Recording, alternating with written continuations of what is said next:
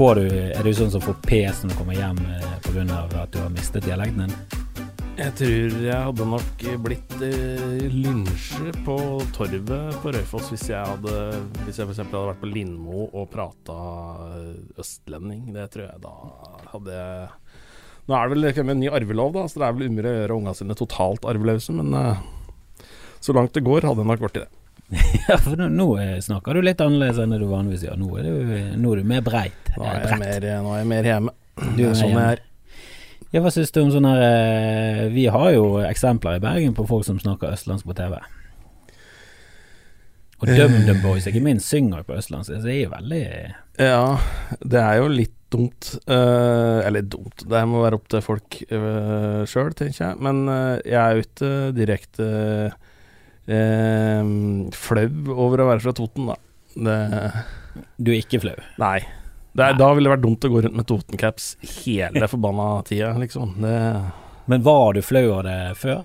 Eller Nei, det ja, Det var vel en periode det, det ikke var så stas å være fra Toten, tror jeg. Men eh, det er vel en sånn eh, Jeg tror det er en sånn eh, vind som har blåst uh, over landet, uh, der folk er mer og mer stolt av plassen de er ifra.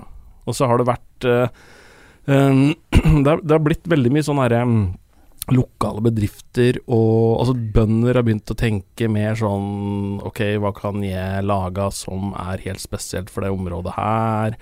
Og det har blitt mer sånn kortreist mat og sånn derre eh, approved by et eller annet matrådet, sånn rakfrisk fra Valdres og pølse fra Evanger og bla, bla, bla. Så jeg tror folk generelt bare er mer stolt av hvor de er ifra. Nei, men med visse unntak, da. Det er klart det er eh, ja. ja, noen plasser er drit. ja. Men, eh, Vormsund. Jo, men jeg så til og med Det var vel i fjor sommer så så jeg en stor artikkel om, eh, om Moss, og at de skulle liksom prøve å, å være stolt over Moss. Og så skinte det gjennom at ingen, altså folk var stolt over Moss, men de syntes eh, Moss hadde et fortjent rykte som et drittsted. Det var liksom sånn Jo da, jeg har en balkong, og du kan ikke sitte der når det blåser fra sør, liksom. Men det er jo fint å se utover fjorden. Det har blitt mye finere. Det var verre på 80-tallet. Det var liksom alle svarene. ja, men, det, men uh, det var verre i 1349. Men, uh, men, uh, men Drammen har jo klart det. Drammen er skuffende fin nå. Ja. Eh, Drammen er jo generelt sett et sted som har liksom hatt et veldig dårlig rykte på med, med mor og de har hatt veldig sånn dårlig forhold til Drammen. Eh, det, det, det, når de var unge, så var det liksom bare et sted du stoppet for å kanskje ta deg en drink, og så måtte du ut derfra med en gang. Å være på Iron Maiden-konsert. Ja, men det, så, jeg har jo gjort standup der, og de siste gangene jeg gjorde standup der, så var det sånn Jeg har jo ingenting å slenge drit om, det er jo ingenting å gjøre narr av, det er jo kjempefint, den fontenen ute i fjorden altså, det har blitt, det, Men du fikk juling for det? Ja da, selvfølgelig. Du fikk Ja, en klogge i trynet, men det, det er jo på grunn av at du skarrer på r-en, og det er jo fullt fortjent. Men eh, nei, Drammen har absolutt eh, Ja, det har blitt et, eh, rett og slett en veldig Å kalle det en perle, kanskje å dra det langt, men det begynner å nærme seg perlestatus, føler jeg. Sånne perler som de kaster ut før de lager så halv- sånne klumpete perler. Ja, Potensialet er der, liksom, men det er ikke helt Ja, det er jo helt klart det er ikke en naturlig perle, men det er en eh, industriperle som, som er litt sånn blingete. Du kan kjøpe det på Glitter for 29 kroner, men eh, mye bedre enn før, da. Det må jeg si. Det, de har tatt tak i det. Eh, og Sandnes òg er jo eh, kanskje Rogalandsdrammen, eh, og har hatt et veldig dårlig rykte, men de har jo eh, ja, pusset veldig opp og satset mye på å gjøre byen eh, finere, da. Og det har han absolutt blitt. Sandnes har jeg vært, men da var jeg vel eh, stort sett full, tror jeg. Så det har jeg lite minne av. Eh, men jeg har vært der. Ja da, men det, det, det, du, det er et fint sted å bli full. det, gjelder egentlig de fleste Jeg tror jeg ble full i Stavanger, og så skulle vi ligge over i Sandnes. Sånn var det. Ja da, det er fortsatt er jo Stavanger den store byen. Det er jo i Drammen òg. Det, det er veldig mange som reiser inn til Oslo. og Det, jeg tror nok drømmen liksom er å komme seg til Oslo. Men eh, det er rimelig nærmt, da, og det er et fint sted å bo nå.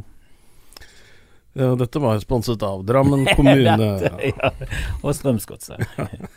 Men du, Ken André, eh, heter jo Ken André, og du er har jo ofte sånn selvironisk eh, kødding med ditt eget navn. Ja. Eh, Er, er du fornøyd med navnet, eller er det, har det vært en belastning?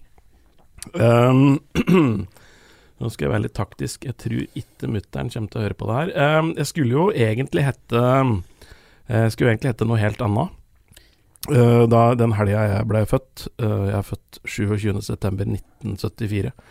Uh, to dager før det, 25.9., så spilte, eller spilte faren min Han spilte på Raufoss og spilte i Eliteserien på den tida. Eller Oi. det som var førstedivisjon, ja. Uh, han har 490 kamper for Raufoss eller noe sånt. Eh, men i hvert fall, eh, de skulle spille mot HamKam. Eh, slo HamKam 7-1. Eh, det er veldig stort. Eh, HamKam er jo eh, noe evig drit, så det var en stor dag. Han kom tilbake igjen i garderoben, fortalte lagkompis at han hadde blitt far.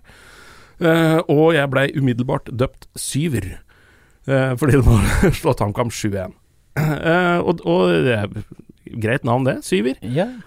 Og så kom far min hjem til mor mi og sa gutten skal hete Syver.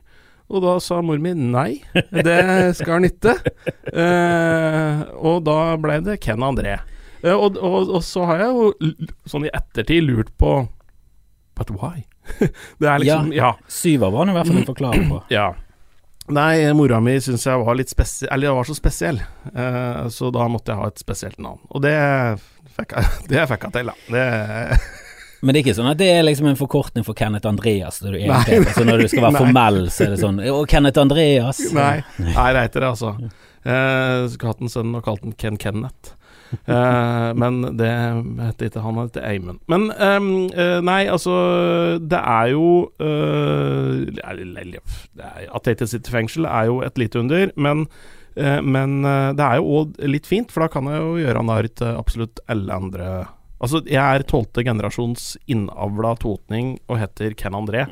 Sånn at jeg, uansett når jeg sparker en, så sparker jeg Ja, oppover. du sparker oppover. over. For jeg har aldri beskyldt for å sparke nedover.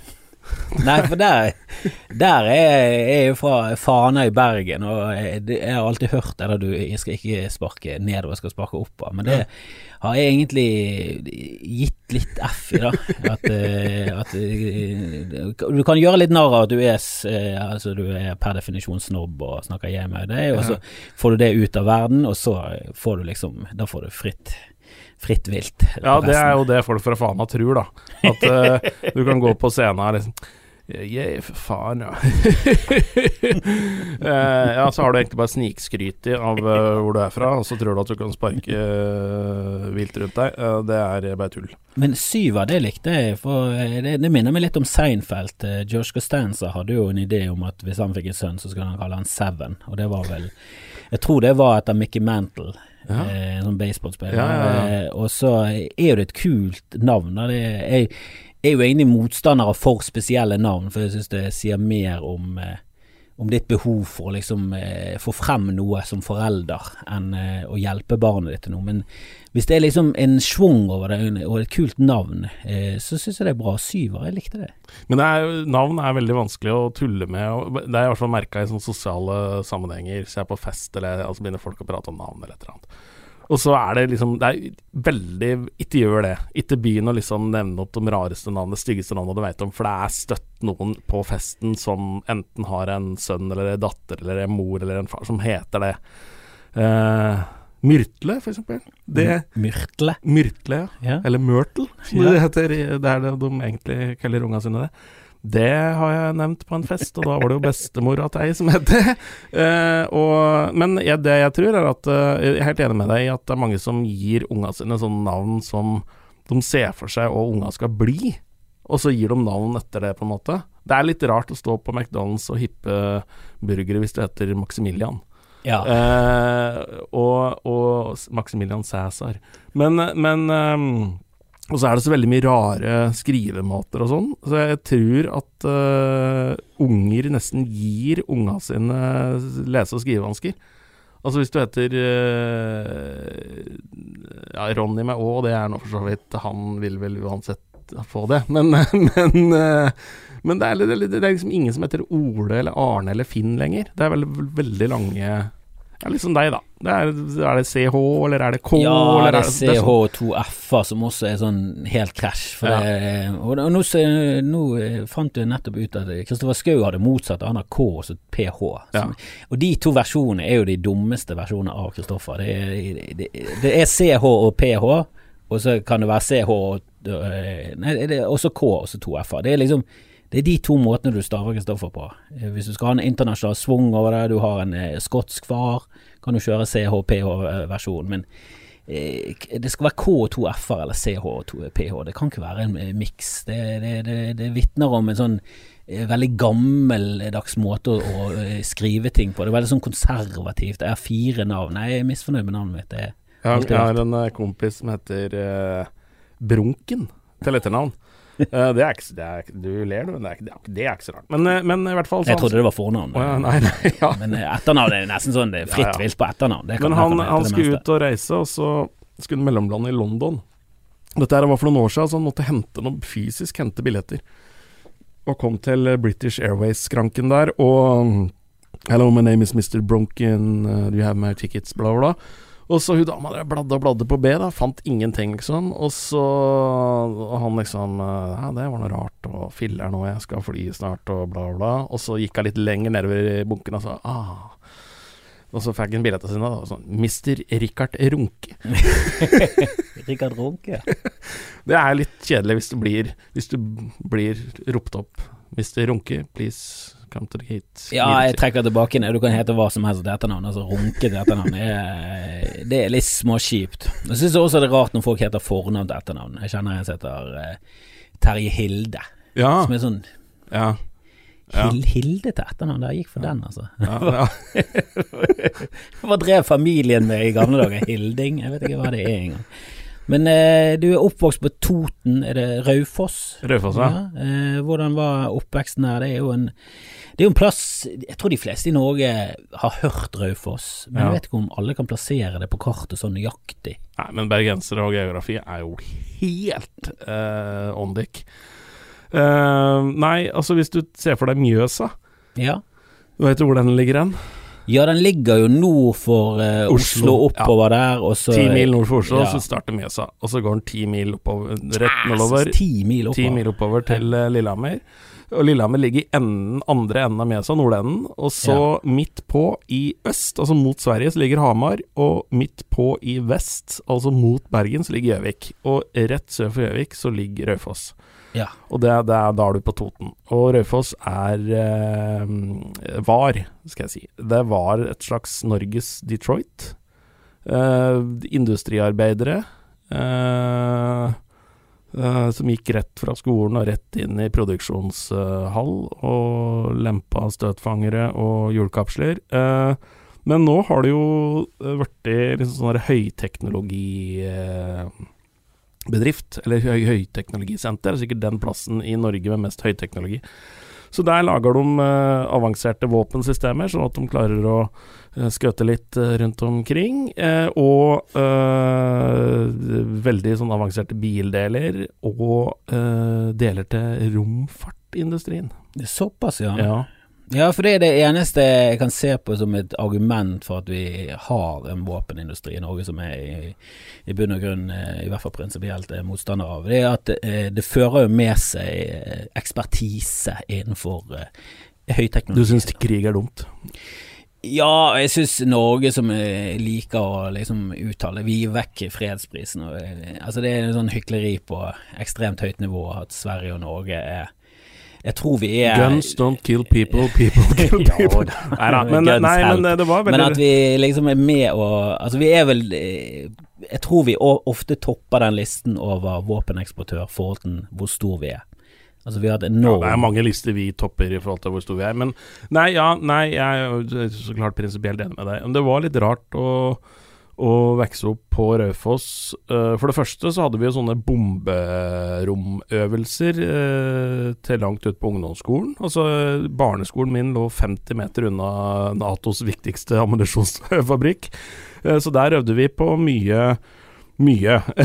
det var, eh, da gikk alarmen, og så måtte vi på pent på rekke og så ned i bomberommet. Ja, men du så jo hva som skjedde i, i Libya. Det, Ja, ja, ja. Altså, det er greit nok, det var vel ikke en, et rent våpenlager som gikk i luften. Det var vel en båt full av sånn eh, Ammoniaksgreier. Ja, ja, den greien som du kan bruke i bomber og kunstgjødsel, som jeg har skjønt helt koblingen. Men, eh, men eh, det kan jo smelle når du lager våpen og eh, pang-pang. Vi fikk i hvert fall beskjed om at hvis det ble krig med Sovjetunionen, Ja, så var. Raufoss liksom første på lista i Norge. Eh, som jo var både stas og skremmende, si. Men levde du det litt sånn For jeg husker jo også den kalde krigen. Jeg er jo født i 77, så jeg fikk jo liksom med meg den i, i Spesielt i barndommen min. Og når jeg begynte å bli ungdom, så begynte jo mul, muren å rakne. Men jeg husker jo spesielt Tsjernobyl husker jeg veldig som en sånn nyhetssak som gikk eh, ja, i månedsvis. Det var ikke måte på hvor mye Vi det det var i Norge. Ja, men det, og den skya kommer rett innover Toten. da Uh, som forklarer en del. Uh, men, uh, men Nei, og så, Nei, det var, det var, veldig fint å vokse opp på Raufoss. veldig bra musikkmiljø og um, Ja, litt, ja, litt, litt sånn rocke, rockeby, egentlig, vil jeg si. Litt sånn som Detroit, det. Ja. var, har vi en slags Motown i, i Raufoss? Nei, Nei, men det, nei, det var eh, Jeg hadde det veldig bra, i hvert fall. Men jeg er jo enebarn, og ja. Ja, men det er fint at du sier, for jeg har jo én sønn, og um, det kan jo være at han bare blir uh, alene. Uh, og det jeg, jeg, kjenner noen enebarn som er sånn Uff, jeg vil ikke ha enebarn. Og så treffer du andre som er sånn Kanskje jeg ikke er så gale likevel. Jeg er ikke helt sikker på det du går rundt med den Toten-kapsen. Men det, sånn som jeg kjenner det, så er du en hyggelig fyr, og du er veldig nei, men morsom. Det er, men det er jo uh, Nei, men du får Jeg får ofte spørsmålet Savner du søsken? Det Jeg, veit ikke hva det er, så uh, nei. Det er svaret jeg vet ikke. Nei, ja. og, og, det er vel en overvekt av amerikanske presidenter som er enebarn. Uh, og du blir vel uh, Jeg vet det, enten så går det til dundas, eller så blir det ganske bra, tror jeg. Ja, ja nå har vi en president som hadde masse søsken, og det er ikke sikkert det går bra da heller. Han har ikke så veldig mange flere nå, vel? Nei, de begynner å Tynnes i rekkene. Kanskje den blir bedre av det. Ja, Han mistet sin storebror, nå han mistet lillebror. Jeg vet ikke hvor mange de var i. Var de tre eller fire? Nei, jeg lurer på om Nei Jeg tror de er en søster, da. Er ikke det en søster? Er det ingen? Oi. Lurer på hvordan hun ser ut. Uff. Jeg håper ikke det var en søster i den familien der, altså. Det virker rimelig mannssjåvinistisk og jævlig. Eh, men du vokste opp der. Hva, hva, ville du bli når du, var, eh, når du vokste opp? Altså Når du var, bodde der i Raufoss, hva var det liksom drømmen var? Uh, nei, jeg var nok først innom sånn her klassisk politi-brannmann-greier. Uh, og så hadde jeg en periode der jeg drev og lekte med tanken om jeg skulle bli uh, håndballproff.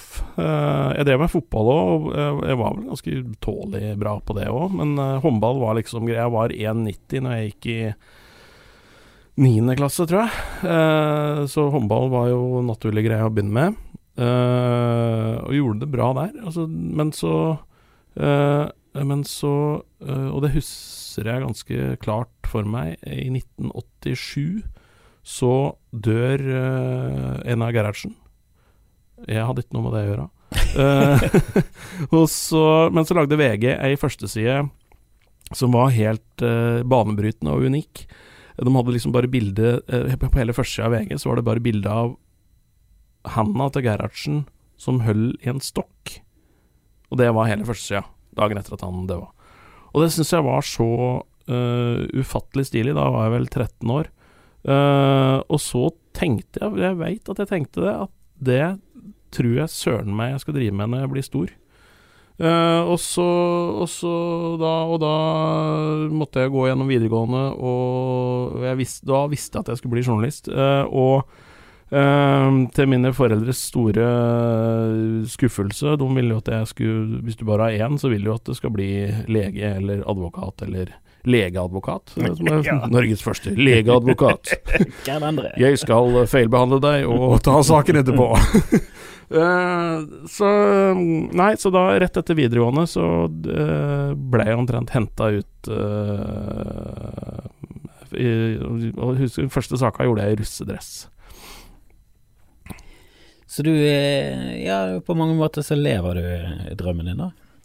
Ja. Ikke på mange måter, det er jo på alle, ja, alle måter. Jo da, eh, og det er jo eh, Hvis jeg liksom skal tenke etter, så er jeg utrolig takknemlig for det, for at jeg fant ut hva jeg skulle bli ganske tidlig. Det er jo Folk går jo Det er jo det som er litt sånn uh, kuk i stokken med Norge nå, er jo at uh, folk uh, studerer på hva de skal bli til de er 30 år, og så er de det i 30 år, og så blir de førtidspensjonerer de seg, og så lever de til de er 100. Du har liksom 60 år der du bare skal ha, og 30 år der du Eller 40 år der du liksom bidrar, da. Eh, så nei det, ble 70, nei, det ble 70 år der du skal ha. 30 år der du bidrar. Det, da blir det tungt i lengden, ass. Ja, de kan jo gjerne gjøre noe med ja, både pensjonsalderen og den holdningen til, til alt rundt det. det. det. er jo land som har det verre enn det, og som eh, f.eks. i Frankrike, der de førtidspensjonerer ofte de som jobber eh, på jernbane sånn veldig tidlig. For det i gamle dager så jobbet jo de med koks og inhalerte ja, koks, rett og slett, i lungene. Og de fleste av de døde jo når de var 52, så de pensjonerte seg da de var 51. Fikk de i hvert fall ett år uten, uten koks. Eh, ett år med hoste og anger.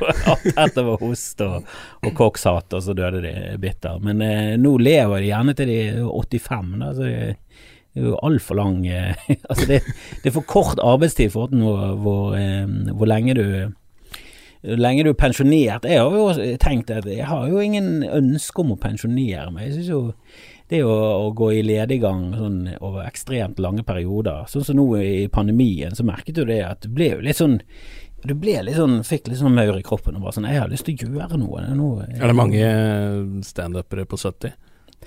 Eh, nei, men det har jo sin naturlige forklaring at det kom på, på 90-tallet, da. Så det har jo kanskje ikke vært lenge nok til at folk begynner å bli skikkelig gamle. De eldste er jo ja, det er jo Jon Skau og eh, Thomas Gjertsen og Dagfjell Lyngve. De er jo forholdsvis unge, de. Ja da, ja, ja.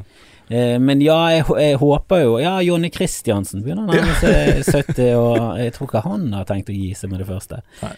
Men det, jo, det jo, men det, er jo, et eller annet med å finne Du har, lever liksom drømmen din eh, og en ganske interessant jobb som er veldig eh, Ja, som ikke er noe monoton på noen måte, da. Den er veldig Går jo alle veier. Eh, går ut fra at å være journalist det er en nå er du vaktsjef i, i, i VG, så du har liksom kommet opp i systemet òg, så du er jo liksom på toppen der. og og har makt og eh, ja, Du kan velte regjeringer med pennestrøk. Du er jo en av eh, Du er liten, Ken André. Det er derfor de, de betaler meg.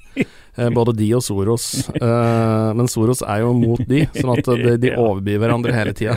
Den bankkontoen jeg har på Bahamas, den så, er så feit. Uh, drar i trådene. Ja, ja, det er jo måte på Så vi møtes på en sånn restaurant i Oslo, og der blir det overlevert eh, gamle eh, Leeds-bager i Sky, fullt av pesetas. Det er, det er, sånn jeg har Det er sånn jeg vil ha det, da. Hvordan er det nå å være journalist når eh, du har en president i USA som eh, har bare avfeid all presse eh, som, eh, som, løgn, og, og, et par blogger som eh, forteller sannheten. Nå, nå, har han eh, gått imot Fox News, nå er ikke de konservative nok, så nå er det en, en ny kanal som han fremmer som er bare AON, America, ja, America's Online News. Som de er bare ekstremt kristenkonservative, langt ute på høyresiden. Og de har jo sånne her bestilte spørsmål på pressekonferansen òg.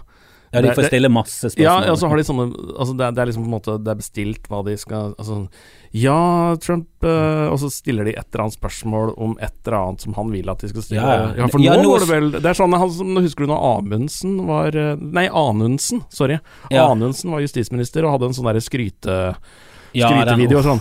Ja, her har det vel blitt fint. Altså, alt er ledende spørsmål, uh, og det driver de litt med der, da, på disse pressekonferansene. Um, ja, det er sånn Ja, nå som du bekreftet at du er den beste presidenten i USA gjennom tidene, hvordan er det å være Det er ja, innledende spørsmål. Det er litt på det nivået. Uh, men nei, altså det er jo uh, For å svare litt seriøst på det, så er det uh, Det er litt skremmende uh, fordi at jeg har jo uh, gjennom mange år uh, ført litt ganske godt med på litt sånn uh, koko-høyre og skrotvenstre. Uh, fordi det fascinerer meg. Og det Trump gjør, er at han polariserer hele debatten, da. Altså han For Trump så er ting enten svart, eller så er det hvitt. Mens for de aller fleste så er jo det litt sånn gråsjatteringer i alt. Uh, men sånn har debatten blitt i Norge òg. Jeg, jeg, husker jo når eh, Husker du når Facebook kom? 2006-2007. Um, så ble det sagt at yes, endelig så skal vi få et sånn felles uh, der, der kan alle møtes og diskutere og bli enige om ting. Det skal bli så bra. Uh, det har vel litt akkurat alltid uh, funger, fungert sånn. Er det, det er jo Altså uansett og VG, Dagbladet, NRK, TV 2, Aftenposten legger ut på Facebook-sida si, så er det rasert i løpet av ett minutt med eh, skråtvenstre koko-høyre. Uh, og, eh, og, og, så er det lett å få inntrykk av at de er veldig mange, men de er ikke det, altså. Jeg tipper det er en sånn 5000-6000 skråtinger som bruker dagen sin på å ødelegge ethvert uh, kommentarfelt. Uh, og det uh, har de jo for så vidt lykkes med, da. nå har vel de aller fleste aviser har vel kutta ut kommentarfelta sine. I VG så har vi strupt det ganske, ganske kraftig, for det er nesten umulig å moderere det på skikkelig vis. Det er fryktelig dyrt, fordi det kommer så mye skrot og drit. Så Og så roper folk om sensur, da, og det er jo det Trump gjør. og Trump uh, altså Det Trump driver med, er på en måte altså, Nå skal jeg være veldig forsiktig med å hitle her. Eller jeg skal ikke være forsiktig med å hitle, jeg kan hitle så mye jeg vil. Uh, um, er det en podkast du kan hitle? Ja, ja, ja, ja, Uh, jeg hitler. Uh, jeg så en uh, Jeg er veldig glad i dokumentarer, og Noen er veldig glad i første verdenskrig, noen er veldig glad i andre verdenskrig. Jeg er veldig glad i mellomkrigstida. Uh, og så en dokumentar om nazistenes vei til makten, heter den. Ligger på NRK, anbefales på det varmeste. Det er tre deler. Uh, og da går det én del går på politikk, én del går på media, og én del går på vold. Uh, og det Hitler og Goebbels spesielt gjorde, da, det var jo på en måte å Altså Hvis du skal få makt en plass, så må du på en måte bryte ned noen sånne felles sannheter. Sånn at uh, hvis du klarer å destabilisere den derre felles faktaplattformen, så blir det kaos, og da er det lett å gripe makta. Så det første du må gjøre, er å diskreditere pressen og vedtatte sannheter, liksom. Uh, og det starta jo Trump med med en gang. Sånn alternative fakta. Det fascinerte meg noe veldig. Det er sånn bilde av den innsettelsesseremonien hans, der du ethvert menneske med syn så at det var veldig mye mindre folk der enn på Obama sin. Men da er det bare å nekte Eller ljuge. Så nei. Det er, det, det er sånn Eddie Murphy, 'wasn't me', uh, som blir tatt på fersken med ei anna dame, ta kjerringa si, og mens den ligger der, så sier han 'isn't me'. Isn't me. Uh, så, uh, og, og da, da, starter det, og så er det bare å ljuge. Uh, ljuge, ljuge, ljuge, ljuge, ljuge og servere alternative fakta. Og sånn har det blitt i dag. Hvis du tror at uh, jorda er flat, så er det bare å google, google det, og så kommer du til ei side som bekrefter for deg at jorda er flat. Og så kan du tro på det. Ja, den er veldig interessant, den Netflix-dokumentaren. Spesielt mot slutten så, er, sånn bikker han over eh, fra å være komisk til å bli veldig trist. For det, de skal selv gjennomføre vitenskapelige eksperimenter som eh, skal bevise at den er flat, og så får de det til. Og da er det helt sånn Uff, hva skal vi finne på nå? Jo, jeg så jo en eh, det, det, var jo kjempeoppstandelse i den derre Flat Earth uh, movement her om dagen, eller her om dagen, et par år siden. For da var det en fyr som hadde Han hadde kjøpt seg uh, en flybillett fra Sydney til, uh, til San Francisco, og så hadde han smugla med seg et vater inn på fly. Og så viste den at det vateret liksom Det sto midt på hele flyturen. Og hvis jorda var rundt, så burde jo det beveget seg fra den ene sida til den andre. Så det var bevis, det. Altså, da, og da skjønte jeg at jorda er flat. Ja, jo da, han er jo flat, selvfølgelig. Han står jo i, i ro også. For, for, hvis han hadde beveget seg, så hadde vi merket det på vinden. Ja, det, er, det, er, det, er, jo sånn Når du leser om verdensrommet, så er jo det bare sånn Jesus Christ. Det er så, det er så stort, og det er så sykt, eh, og det er så absurd at du må bare slutte å tenke på det. For at vi fyker rundt i en enorm hastighet i alle mulige retninger, er veldig ekkelt å tenke på. Det er bare det at når du er inne på et tog, så merker du ikke at toget går veldig fort. Så du kan være på et tog som går i 500, og likevel så kan du reise deg opp og gå til kafévognen, og så går det helt fint. Den siste, min favorittkonspirasjonsteori, den er ganske fersk, tror jeg. Jeg hørte i hvert fall om den her om dagen. Og det er at uh, Australia ikke fins. uh, fordi at, har du vært der? Nei, jeg kjenner ingen som har vært der. Fordi, fordi at, og det er fordi at uh, i gamle altså, i, i, sånn På 1700-1800-tallet så tok jo England og sendte fanga sine til Australia. Sant? Vi vet åssen Australia ble ja, ja. Men de gjorde ikke det, skjønner du. De bare seilte litt utpå til eh, til folk på land ikke så skipa lenger, og så drukner de disse eh, møkkafolka. Men de måtte jo finne på noe til familien til disse folka og sier nei, nå er det han har det bra i Australia, og bla, bla, bla, bla. bla.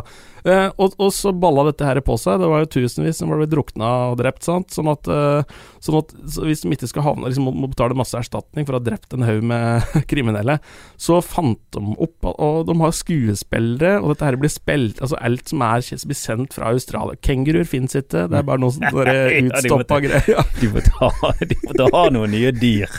La oss finne opp koalaer, og la oss gi de klamydia og fingeravtrykk, akkurat som mennesker. Og, veldig, og, det, og, så er det veldig fascinerende at uh, den herre uh, Eller sånn sofaprofessorer uh, fascinerer meg veldig, da.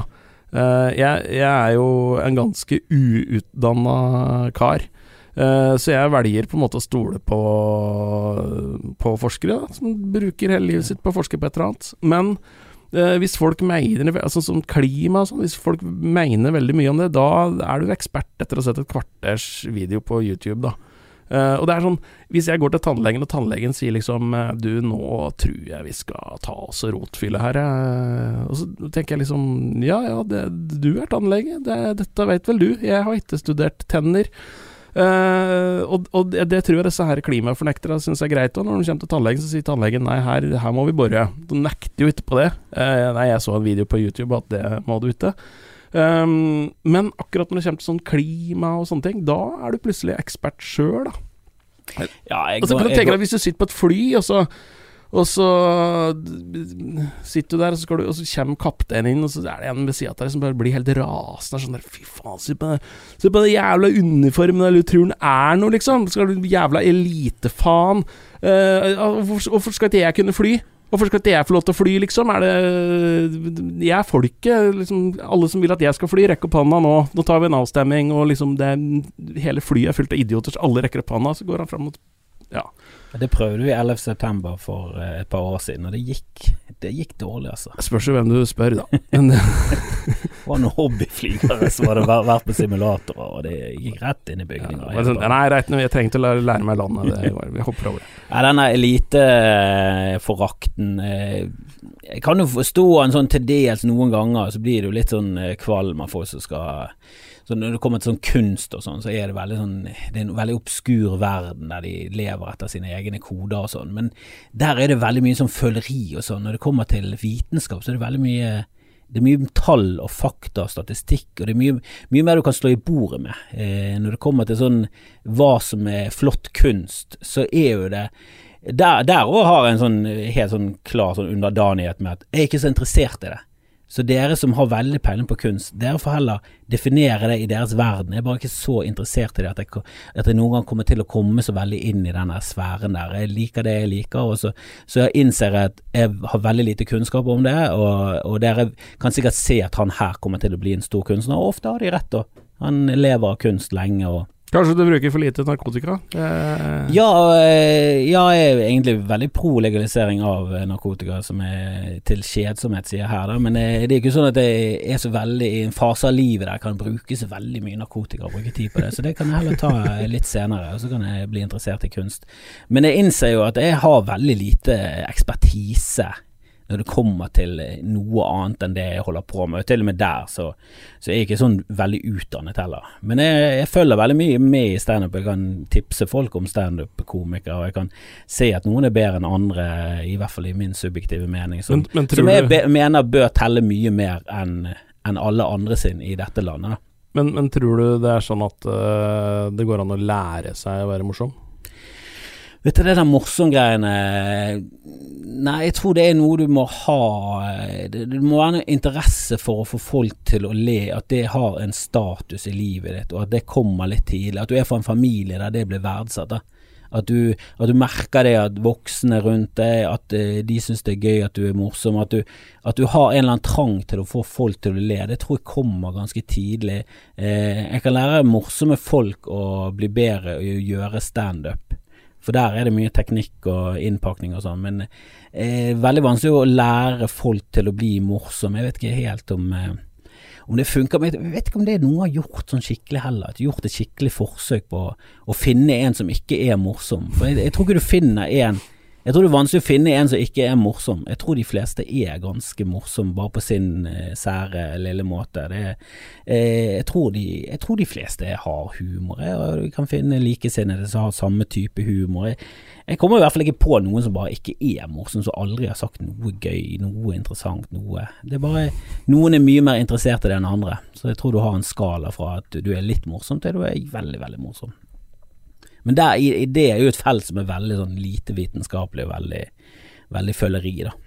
Ja, men der og det er det jo Det er jo litt som Humor er jo litt som kunst. Det er jo òg litt sånn folke, folkekunst, liksom. Sånn Ole Ivars-humor.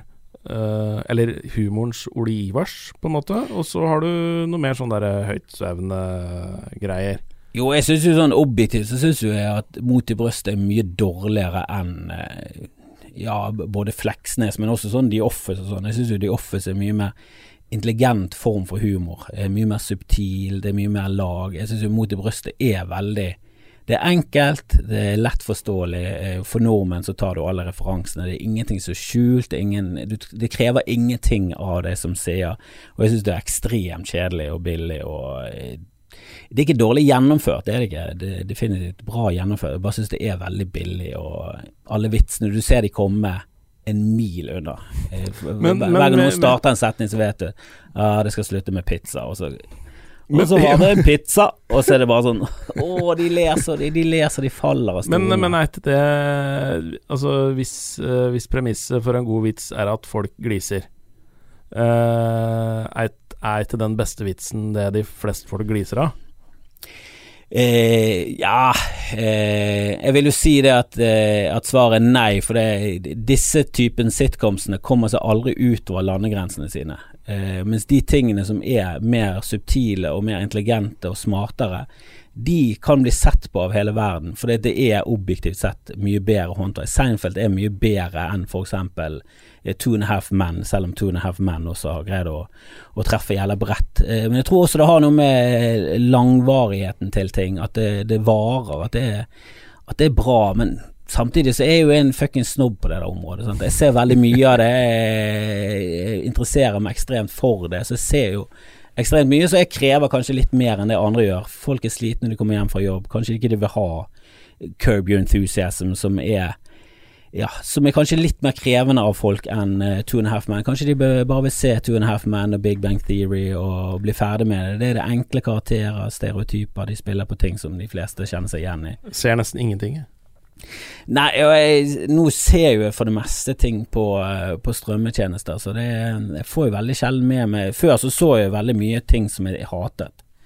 For det var det jeg hadde. eh, og hvis du sitter oppe klokken to og du har TV Norge og TV3, så ender det opp med at du ser en eller annen eh, serie som de har fått med på kjøpet. Eh, de har kjøpt inn en, eh, en dyr serie, og så har de fått med seg fire serier, så de er nødt til å, å også kjøpe i de her pakkene, for det er sånn TV-bransjen fungerer.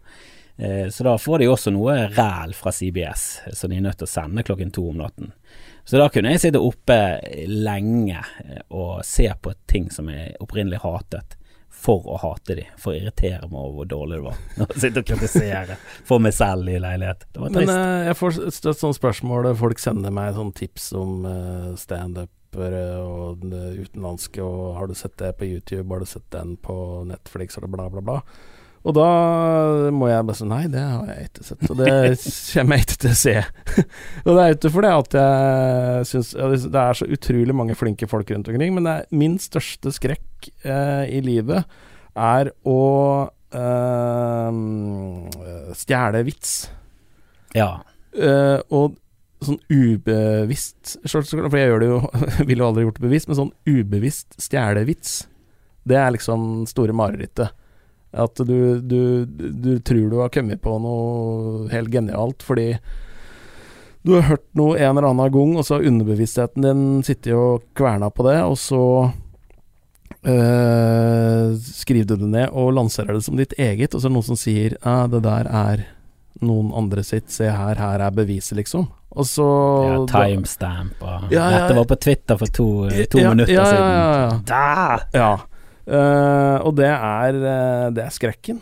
Uh, så jeg hører og ser veldig lite andre komikere. Det er jo trist, men sånn er det. Men nå driver du vel ikke strengt tatt med ren standup. Du har jo mest humor på, på BA-desken din på Instagram. Som er en veldig original og veldig i tiden-ting. Det er jo en veldig Eller det, noe av det er jo en eh, gammel form for eh, sånn billedhumor, da, som kunne også funket på papiret. Men det, det er jo noen av dere, eh, jeg følger deg og Randi Lodden og eh, Geir Sindre Breivik, som er flinke til å å ta liksom avissaker og bare kjøre en eller annen kommentar til det, eller du har jo en veldig bra teknikk med at du har redaktør, journalist, ja, redaktør, journalist, og så sveiper du, så ser du, så ser du saken du snakker om, eh, og du er utrolig flink på det, da. Jo, takk, takk, takk. Uh, nei, det, er, det, har jo blitt veldig populært. Uh, jeg har jo vekst meg litt over huggu, egentlig. Uh, nå sjekka jeg, sjekka jeg statsen min i dag før jeg skulle hit, uh, og da uh, Veit du hvor mange Nå blir det sånn derre Veit du hvor mange jeg um, Jeg vet hvor mange følgere du har, for det sjekket jeg også. Jeg skulle, jeg skulle sjekke det opp For du vet at BA-desken skulle sjekke hvor mange har du fått en BA, og du hadde overraskende mye flere enn jeg trodde. For jeg trodde sist gang jeg sjekket, så hadde ikke du så mange. Nei, nei. Uh, men du har 218 000 følgere, jeg skal si det for deg. 218 926, takk. Ja, så snart 200, 219 000. Og BA, vet du hvor mange BA har? Tipp hvor mange de har. 20? Ja, er det tippet sånn Kanskje de har, kanskje de har til og med oppe i 50, jeg vet ikke. Har, jeg tror de har oppe i 50 på, på, Facebook, men de har 12 500 på Instagram. Så du, har, du, du, knuser de med 200 Du knuser de med nesten innbyggertallet til Bergen. Men jeg sjekka jo med Eh, på eh, hvor mange treff jeg hadde siste uke. 11 millioner. Jesus. så, det, og jeg får jo 1000 tips om dagen eh, inn på, på DMs. Eh, så, så, nå sitter vi jo her og babler eh, skit i et par timer, liksom, og da uh, veit jeg at da må jeg svare på 200 meldinger når jeg kommer ut. Og dette er tid du kunne brukt på å legge ut ting på Instagram. jo, men jeg syns det er veldig kjekt at folk engasjerer seg, og det, og det engasjerer voldsomt, da.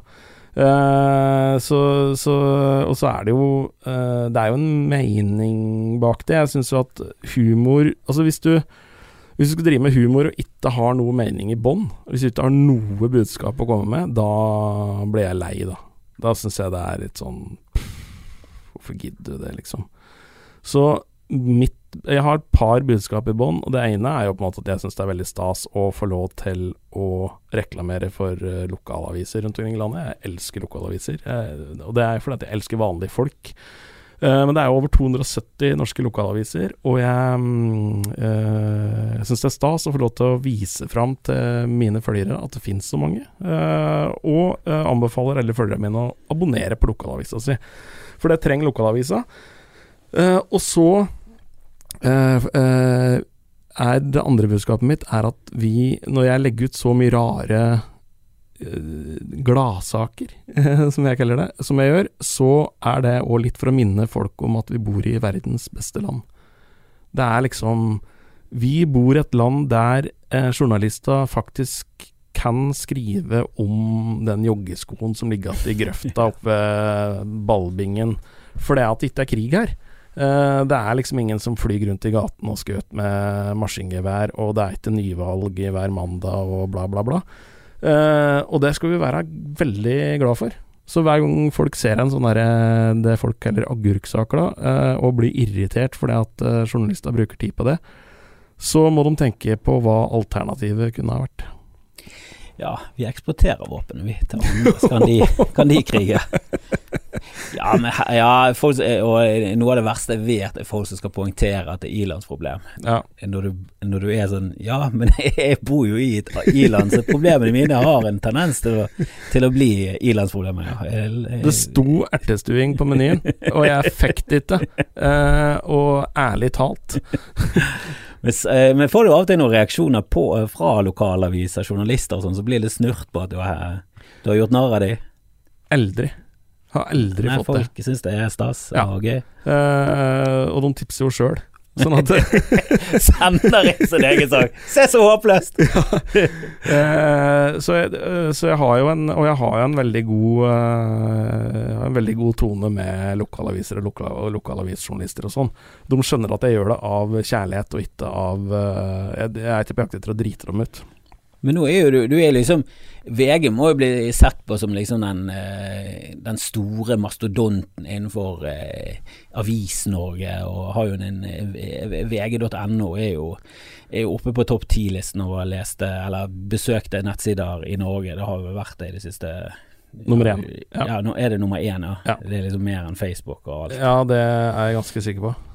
Ja, for det er jo helt absurd hvor, hvor stort den er, og altså det er jo liksom den der Det er jo ja, det er det største i Norge Ja. innenfor, eh, innenfor avis, og du er vaktsjefen, så uh, får du noen reaksjo- reaksjoner på at du driver denne Instagram-kontoen din der du eh, har BA-desken og Ja, BA-desken, eh, navn og Eh, nei, men da har jo du allerede glemt da at jeg heter Ken André og er tolvte generasjons innavla totning, så uansett hvor jeg sparker, så sparker jeg oppover. Uh, nei, men uh, jeg skiller jo veldig klart på det. Jeg har jo to hatter, og blander jo ikke de to hatta. Og det er jo eh, For jeg, jeg, har jo den seriøse jobben min i VG, som er Det er jo bånn-seriøst, det. Uh, og så har jeg her, det her livet utafor i komiverden, da, der jeg har gjort mye komikk. Skrevet mye av det folk har glist av på TV. Uh, skriver manus for andre komikere. Uh, til og med jobba litt i Danmark med komikk. Uh, og da eh, For det er òg sånn veldig unorskt at det går an å ha flere jobber. Eh, og det Jeg begynte i VG i 1.1.2012. begynte jeg i VG Da ble jeg henta fra VG fra BA. Og eh, altså hadde jeg jobba i VG i ei uke, og så ringte de fra Skavlan. Eller altså det produksjonsselskapet til Skavlan, som heter Monkberry. Og de hadde akkurat uh, henta inn Anne-Kat. Hærland, uh, og hun ville at jeg skulle være tekstforfatteren hennes. Uh, og det Jeg hadde aldri møtt Anne-Kat. Hærland, jeg hadde jo aldri møtt Skavlan og den gjengen der. Eh, men da hadde jeg vært litt morsom på Twitter eh, noen år, eh, og da det hadde hun på en måte plukka opp. Og så, hadde, og så sa jeg liksom Ja, men det Jeg har jobb, jeg. Og så sier de liksom Ja, men da får du to jobber, da. Hva hva er problemet, liksom? to lønner. Ja, og sånn Hm, ja, nei Ja, nei, jeg har liksom støtt, tatt lyst til å drive litt med humor, så ja, nei, skal vi prøve det, da? Så da, da var det vel et halvt eller et år eller noe sånt, der jeg jobba fra åtte til fire med humor, og fra kvart over fire til to om natta med VG. uh, og, men da hadde jeg fått et bein innafor. Og hvis du liksom Hvis du kan starte med å skrive tekster for Anne-Kat. Hærland, så slipper du jo på en måte å stå på rorbua i Leknes uh, annenhver lørdag uh, for 20 stykker for å jobbe deg opp. Så jeg kom jo Jeg gikk jo bare ved kjøkkenveien inn. Eh, og så eh, Etter det så balla det liksom på seg, så da skrev jeg noen sesonger av Nytt på Nytt og ja, litt mer sånn TV-greier og sånn. Uh, og så Men nå bruker jeg jo mest tid på BA-desken, da. Skrive bøker og ja. Ja, du har vært veldig aktiv i, i det siste, syns jeg. Var- Ja, koronatida, da ble det Da balla det på seg. For da måtte jeg på en måte velge om jeg skulle ta en pause, eller om jeg skulle Eller om jeg skulle gønne på. Og jeg, jeg står jo veldig mye på scenen med BA-desken uh, og kjører show. Uh, og det gjorde jeg ekstremt mye av i januar og februar. Uh, og hadde liksom lina opp egentlig hele 2020 med 18 show. Eh, og så eh, kom jo koronakrisa, og da gikk jo alt det i dass. Uh, og så måtte jeg egentlig bare finne ut om ja, hva hva gjør jeg nå. Har, kommer folk til å glise i det hele tatt? Uh, hva skal vi glise ta? Uh, og så jeg satt der og funderte på dette her, og så fikk jeg tips eh, fra Avisa Valdres. Avisa Valdres. Um, og der var det en notis der det var um, Det var eh, organisasjonen Hvordan lykkes i Etnedal avlyser møte etter råd fra kommunen. Altså, og så tenkte jeg faen, dette er jo jævlig moro, da. Det er jo ikke lett å lykkes i Etnedal i utgangspunktet, og nå kommer koronaen, liksom. Um, og så tenkte jeg at nei, men du, vet du hva. Uh, det er vel kanskje nå vi absolutt trenger å glise mer, da. Uh, og det er liksom Det er lett å glise når du er glad, og den viktigste å glise når du er lei deg. Uh, og jeg fikk umiddelbar respons på at folk ønska at jeg skulle bare gønne på. Så da gjorde jeg det. Og så i den prosessen så, så, tenkte jeg at dette her eh, må jeg jo bare notere meg mens dette her skjer, og så ble det bok til slutt, da, som jeg leverte i forrige uke. Du, du bor jo i Bergen, og alt, eh, skjer alt dette her med Bergen som base, og så reiser du herfra utover eh, til diverse steder i Norge, og Oslo og pendling og hele pakken? Ja, jeg pendler mellom Bergen og Oslo, så jeg har kåk i Oslo og kåk i Bergen. Uh, så jeg er vel sånn 60% Oslo og 40% Bergen. Um, og så reiser jeg rundt uh, og underholder uh, type sånn i, 20, i, altså, I slutten på 2019 så hadde jeg jo veldig mye sånne altså, Da skulle de slå sammen metta fylker. Og da ble jeg oppringt av og så er det fylka lurte på om jeg kunne komme av liksom på når de skulle offisielt åpne de nye fylka sine, om jeg kunne komme av på en måte forener disse gamle fiendene, da. Eh, men da gjør jo jeg det motsatte, sant. Da liksom forklarer jeg folk fra Aust-Agder hva slags utrolig idioter det finnes i Vest-Agder, og omvendt. Uh, så jeg får uh, egentlig bra betalt for å reise rundt og skjelle ut folk, og vise hvor idiotiske de er. Og, det, og folk har veldig god sjølironi, så det, det, har gått veldig bra. Ja, men hvis du har kunnskaper og tar det fra et sted der du helt Altså, du, du får frem det at jeg har satt meg inn i dette, jeg har respekt for det, men dette her er rart med det dere holder på med. Ja, ja. Så er de fullt klar over at det er rart. Det er mer når, når liksom den 17 sultne amerikanske komikeren skal komme til Norge og fortelle at her er det, her er det dyrt med alkohol, og dere har olje, så er det liksom Og pene damer. Ja. Så er det sånn det, Dette vet vi, men kan du komme med noe som Det er mye gøyere når de kommer, og så tar de tak i noe som faktisk er litt sånn Ja, det er fuckings rart med Bergen. Det, ja. det, det har du rett i. Det, ja. det, er gøyere når du skjønner at de har gjort litt arbeid, da. Da, da liker vi det å le oss selv. Jeg var, eh, jeg var og hørte på Jim Jeffries det er ikke helt sånn at jeg ikke hører på noen, men jeg hørte på Jim Jeffries i Spektrum for tre år siden eller noe et eller annet sånt nå. 5000 eh, stykker i Spektrum for å, for å se uh, Jim Jeffries. Og, uh, og, da ble jeg jo Det er jo litt derfor jeg ikke hører på disse her favorittene mine nå, for jeg blir jo ofte skuffa. Men da ble jeg litt skuffa, for da starta han liksom hele showet med å si at uh, han hadde vært i England uka før og nå var han i Norge. Og så skjønner, Han kom samme dagen, så han har vært i Norge i tre timer, liksom. Og så var det sånn derre standardvitsen på at uh, damene i England er kjempestygge, og damene her er kjempepene, liksom. Uh, og den Du klarer bedre enn, klarer bedre enn det, Jim. Det ja, for det virker som om du ikke har respekt for oss. Ja. At du er veldig sånn overfladisk, du tar det billigste poenget du kommer på der og da. Da kan du like godt bare sånn Kan ikke du bare gå rett i materialet ditt, istedenfor å ha observasjoner som er helt klart Ja, det, der går det igjen på det der. Det er ikke stjålet, nei, nei. det er gjort før. ja. Så, for vi hadde jo Jim Jeffries i Bergen, og da, da du skulle kommet og sett. Da var jo han bra. Eh, på Riks eh, for um, Ja. Det var før han ble stor, da. Ja. Eh, han var på vei. Eh, hadde begynt, han hadde fått sitt første TV-show på i USA, men han hadde ikke det Jim Jeffries-show på Comedy Central, så han kunne definitivt ikke stå i, i Spektrum, men han solgte ut Riks. Og, mm, og, da var han eh, veldig morsom. Han hadde ikke de der hacky, billige poengene om, om Bergen og bla, bla, bla. Eh, men han ble heklet av en av en dust, og det tok eh, Var det deg?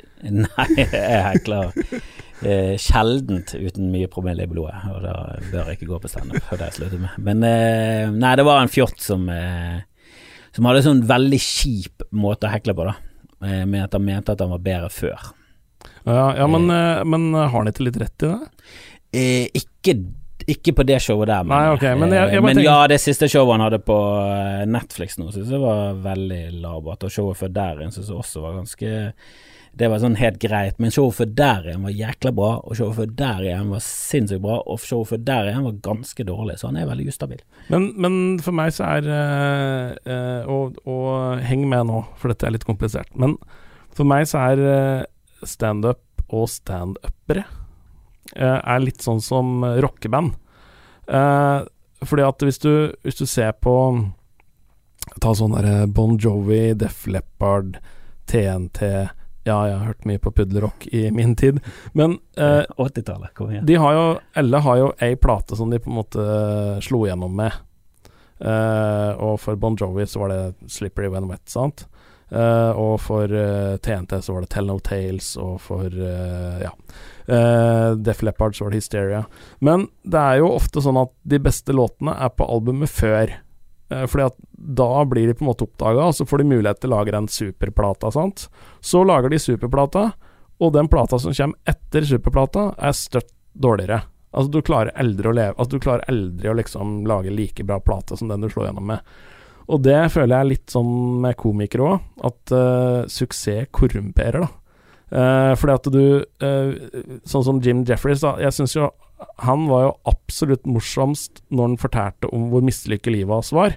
Og hvor mye fæle damer han lå med, og hvor mye dårlig drugs han hadde tatt, og hvor miserabelt livet hans var. Men nå skal han begynne å lage vitser på alle fotomodellene han har vært sammen med, og Ja, du veit når du setter på førsteklasse på fly til Australia, da Nei, jeg veit ikke det, jeg har aldri sittet på førsteklasse på fly til Australia. Uh, og derfor så er liksom en av mine absolutte favoritter er jo Bill Hicks, fordi at han døva før han slo skikkelig gjennom. Uh, så han var på en måte Han rakk ikke å bli korrumpert, da. Uh, han rakk liksom ikke å lage vitser på å bli kjørt til limousin og ligge med supermodeller. så det er litt sånn nedsig.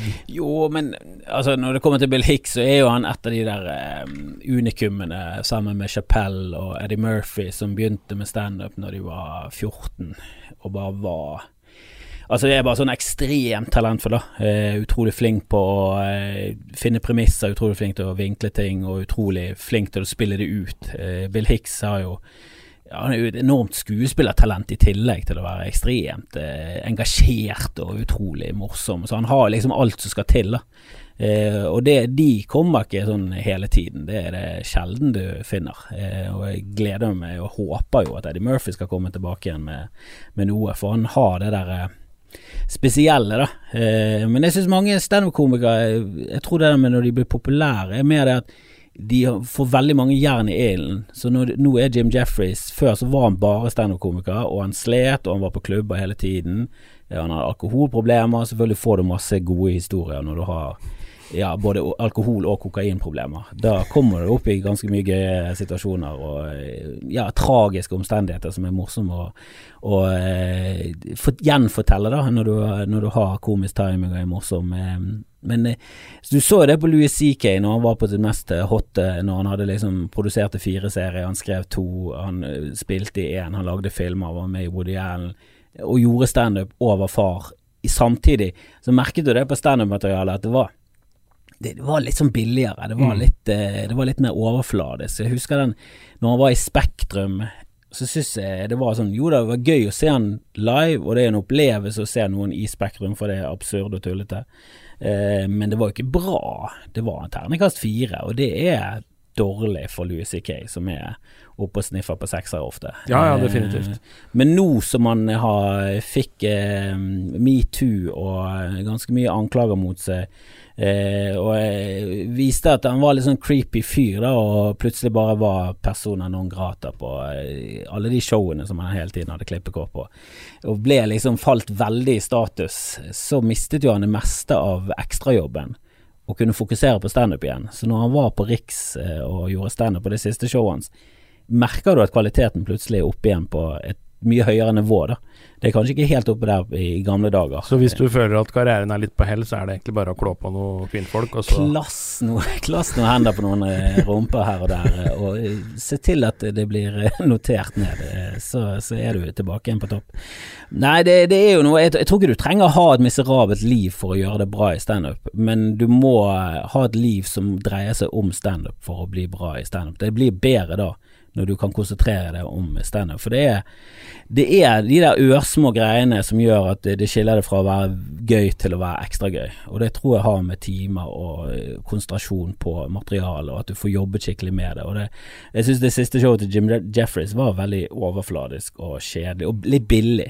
Ja, jeg, jeg, synes jeg var veldig skuffa over det. Men jeg er jo litt sånn skuffa Altså, Uh, nå blir det litt sånn metafor igjen, da, men uh, det blir Altså, meg så norsk komikk blir litt sånn norske politikere. For det jeg syns er litt dumt, det er at hvis du blir valgt inn på Stortinget, så må du flytte til Oslo.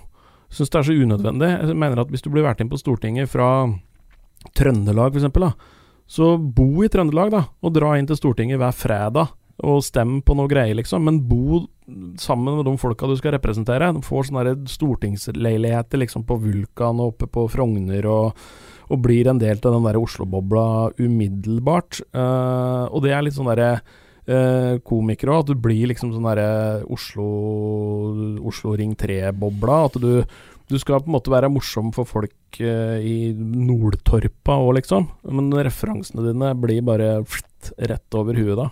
Ja, jeg tror, jeg tror, det har blitt bedre nå. Jeg tror, jeg tror, det har mer med at miljøet rundt, hvilket fokuset er. Jeg husker når jeg begynte med standup, så var veldig fokuset på eh, at det skulle være eh, morsomt, du skulle treffe bredt. At, det, at hvis referansene ble litt sær, så fikk du liksom beskjed på backstage sånn Jeg tror, ikke de fleste vet hva det der er. Og så er det litt sånn Ja, men det gir faen i om, om 50 stykker av 100 ler av dette her, så er det nok. Om 5 av 200 ler av det så det er nok for denne vitsen her, og jeg skal bare videre og skal få frem et poeng, men det er litt gøy å ta med det snadderet der om Nietzsche. Men det er jo det du sier der, er uh, veldig viktig. Uh, uh, eller syns jeg, da. Jeg, bare, jeg, jeg, har blitt flinkere til å si 'syns jeg'. Ja, men det syns jeg er viktig. Er. Når folk sier sånn 'du er ikke morsom', så er det sånn Nei, nei, nei. Du syns ikke jeg er morsom, og det er en setning som har null kraft i seg selv. Mens du er ikke morsom en veldig, det er en ekspertuttalelse, og du ja. er ingen ekspert, din fjott i kommentarfeltet. Men uh, det, uh, at det jeg bestemte meg for ganske tidlig, uh, det var at jeg må gjøre ting som jeg syns er morsomt. Ja. Og jeg prøver ikke å tilpasse meg noen. Jeg prøver ikke å si sånn Nå skal jeg prøve å få ekstra følgere. Nei, det, og det er 218 000 følgere. Ja. Og, og, øh, men det er fordi at jeg gjør akkurat det jeg syns er morsomt. For det er mye enklere å styre etter enn om jeg skulle styre etter hva andre folk syns er morsomt. For det er jo vanskelig. Jeg vet ikke hva andre folk syns er morsomt. Jeg vet hva jeg syns er morsomt, og da gjør jeg det. Uh, og liksom prøve å tilpasse seg et publikum, det tror jeg er øh, både vanskelig og dumt. Nei, men så kommer du i situasjoner der du, sånn, du skal ha eh, en morsom greie for Aust-Agder og Vest-Agder, så er det sånn ja, da skal jeg konsentrere materialet mitt om det jeg syns er morsomt her. Så jeg tilpasser meg sånn sett. Men jeg gidder ikke ta Trøndelag-materialet mitt for det er det jeg føler for. Jeg tar det materialet som passer de best. Men jeg tar det som jeg innerst inne syns var morsomt når jeg lagde det. Og det kan være at jeg har sagt det mange ganger før og begynner selv å synes at den vitsen er litt slitsom, men jeg tar den vitsen òg, fordi jeg vet at det opprinnelig er en god vits. Det kan jeg gjøre. Jeg kan tilpasse meg såpass mye at sånn, jeg tar den ti år gamle vitsen som passer bra i dette lokalet her. Men det er jo en vits som jeg kan stå inne for. Opprinnelig så syns jeg den vitsen var veldig gøy. Jeg har bare sagt den mange ganger. Så jeg er kanskje litt lei av å si den, men jeg vet at den treffer, det er noe jeg kan stå inne for. Eh, og jeg husker når vi startet i Bergen, så var vi litt sånn Altså, vi var på utsiden, og vi var fullt klar over det, men vi var også sånn at nei, vi har lyst til å gjøre det på vår måte, og vi har lyst til at alle skal bare gjøre det på sin måte. Og vi skal ikke komme med noe sånn eh, formaninger om hvordan du skal være på scenen. Folk skal finne sin egen stil. Jeg husker jo når Daniel Simonsen startet i Bergen, så var jo han veldig rar, og traff aldri med noe, og det var pinlig, og det var, det var litt sånn Det var vondt å se på, da, for han er så ærlig og og er bare liksom Jeg vet ikke om du vet hvem jeg er, men jo, jo, ja, ja. Ja, eh, han har jo liksom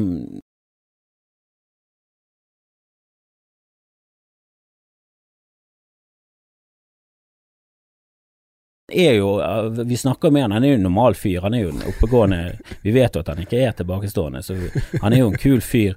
Eh, og han har noe i han, han er jo helt unik, så hvis han får noen punchlines her, så er jo dette mye mer interessant enn Thomas Gjertsen, Ja, som er mye mer generell, og ja, han kan treffe alle i Norge, men Thomas Gjertsen kan ikke reise til utlandet og treffe noen. Der er det igjen det der med mot i brøstet i utlandet, det funker ikke, det er ingen som bryr seg. Vi har sånne serier, vi har sånne serier med stereotype karakterer.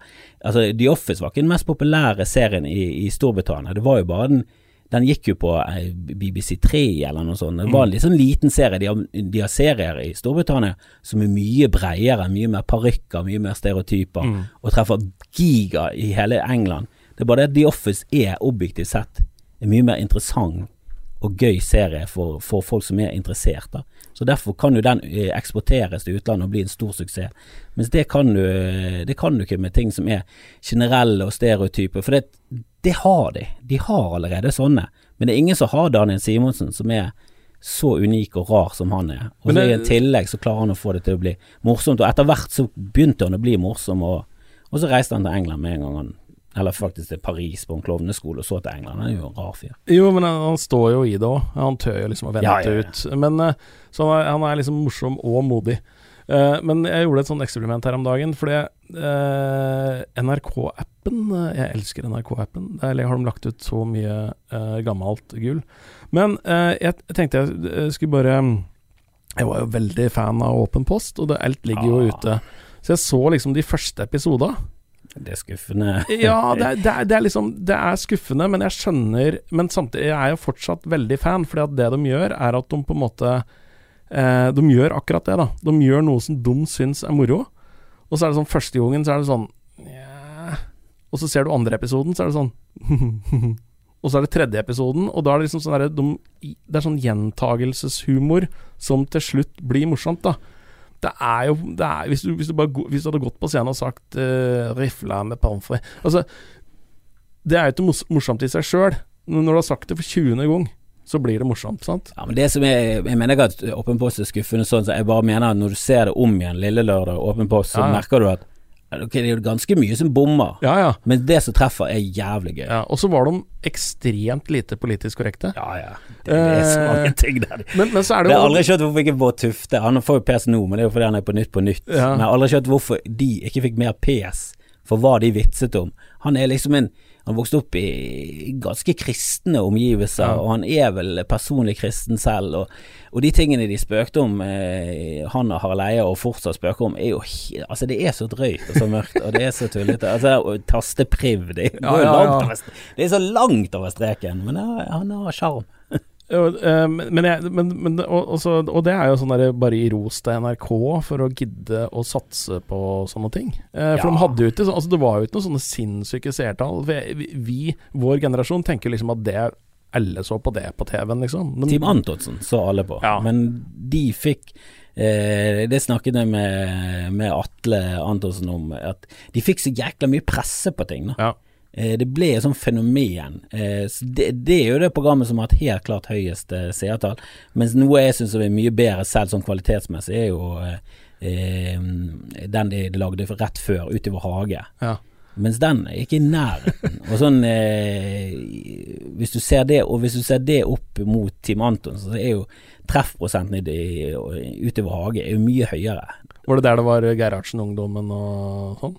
Eh, det vet jeg, det lurer jeg på om Nei, jeg lurer Jeg husker ikke hvor det kom. ja. Eh, det, det er vanskelig det Altså Lille Lørdag, Åpen post, Utover hage, Team Antonsen, Det De glir litt inn i hverandre, da. Mens eh, Utover hage, eh, for meg, er jo favoritten der de der det var mye mer sånn filmatisk. Ja, ja, mer, ja, eh, men det var litt særere, da. Team Antonsen var veldig rett frem. Og, Men det var jo Det kom jo på en tid der fortsatt der folk fortsatt så på det- lineær-TV. ja, ja, ja, Eh, og jeg har jo i sommer så har jeg fått lov til å jobbe med um, Tande P og Dan Børge i, på NRK P1 pluss. Den store drømmen din. Den store drømmen min. Eh, men, eh, nei, så, men eh, da fikk jeg jo det som forespørsel i vår om jeg kunne tenke meg å komme inn en gang i uka i programmet der og bare oppsummere hva som egentlig har skjedd i Norge eh, siste uke.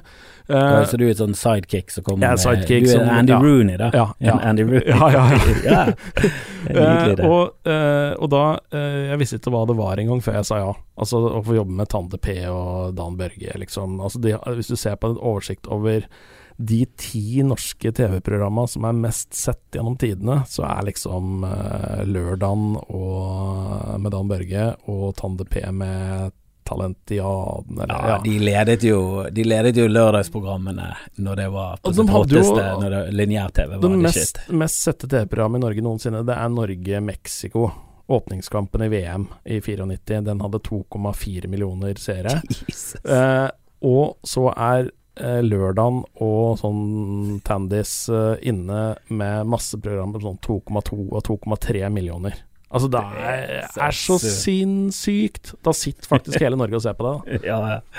ja, alle som har øyne ser på det drøyt. Nå har vi eh, Nå har vi snakket lenge, Ja. vi kunne sikkert snakket mye lenger. Men jeg har, jeg har et ønske om å, å begynne med Når jeg har gjester, og så ha en sånn eh, Ja, om de er kjappe eller kjappe, de, de trenger ikke å være kjappe svar. Vi kan gjerne dvele med ting. Det er kjappe eh, spørsmål Men det er kjappe spørsmål. og trege svar. ja, det, du kan svare så lenge du Kanskje vil. det kan, kan hete det? Kjappe spørsmål, trege svar. det, du, det er ikke rart at du har mange følgere, altså. du er faen meg så på ballen hele tiden. Eh, På ballen. Men hva skulle du ønske du var? Eh, altså eh, som, som yrke, liksom? Eller, eller sterk? Eller, Det er eh, åpent. Det er ja. Nei, eh, hvis jeg ikke skal svare superhelt og sånn, så må det bli eh, Jeg, jeg har, eh, jeg har eh, hatt, støtt hatt et ønske om å være gitarist i sånn breibent uh, heavy rock-band. Litt sånn à la TNT og Ja, jeg, jeg vokste opp med Rolf Ågrim, eller Ronny Le Tekerø, som nabo, og det var så Det var så sykt stort. Altså, jeg var sånn 12-13-14 år når TNT breaka, og de dro til Los Angeles og skulle bli satsa på av plateselskapet Universal noe sånt noe. Brukte, skulle bruke 90 av alle PR-penga sine på TNT, det skulle bli det nye store. De fikk egen, sånn, eget hus på stranda i Los Angeles og 100 000 dollar i uka i lommepenger, og det var helt sjukt. Og så hadde de signa to andre band, da. Og det var noe sånn kjellerband og et som het Bon Jovi, og så var det noe Mutley Kruger. og så gikk det i dass, da. Men, men eh, og, det var, det var, og da liksom å kunne se nabogutten på MTV i hvit dress eh, spille gitarsolo, det, det prega meg lenge. Og det er jo, hvis du setter passeren i huset til mutter'n og fatter'n der jeg vokste opp, og tar den passeren ut 50 meter, så har folk solgt 10 millioner plater. Oi, oi, oi. Ja, ja, ja. Hvem andre er det? Nei, altså det er eh, mye gitarister, da. Men du har, du har liksom TNT, som har solgt fem-seks millioner plater. Og så har du gitaristen til Silje Nergård. Vokste opp noen hus nedafor. Og så har du Conception, altså et sånn Det er big in Japan. Eh, de har sikkert solgt en million plater. Og så hadde du en artist som het MB Norman, som var stor i Japan. Det er liksom En ga, liten gatestubb, men der var det enormt med produksjon.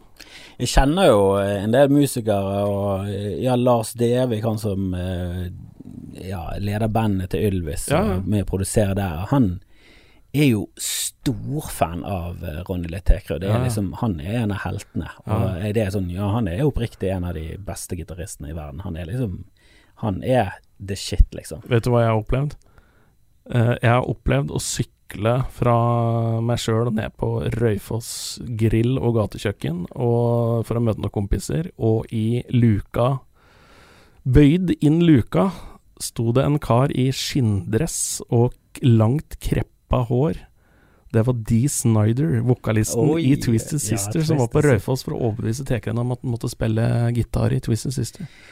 Men eh, For jeg har sett det, han når han eh, vitner for Kongressen pga. noe eh, ja, 80-tallet og mye galskap, og folk mente at ja, rock kunne føre til det mest eh, sataniske som fantes. Eh, og han var utrolig veltalende og så helt normal ut i dress. Men eh, når han skulle overtale Roddy, så tok han på seg kostyme. Ja, ja, ja. Er du gæren? Kreppet håret sitt. jeg trenger et stikkontakt. Dette håret krepper seg ikke selv. Hva, er du, hva er du glad for at du ikke er?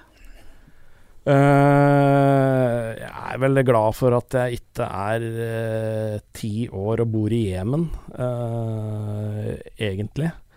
Og så er jeg glad for at jeg ikke er eh, 20 år og ikke aner hva jeg skal bli.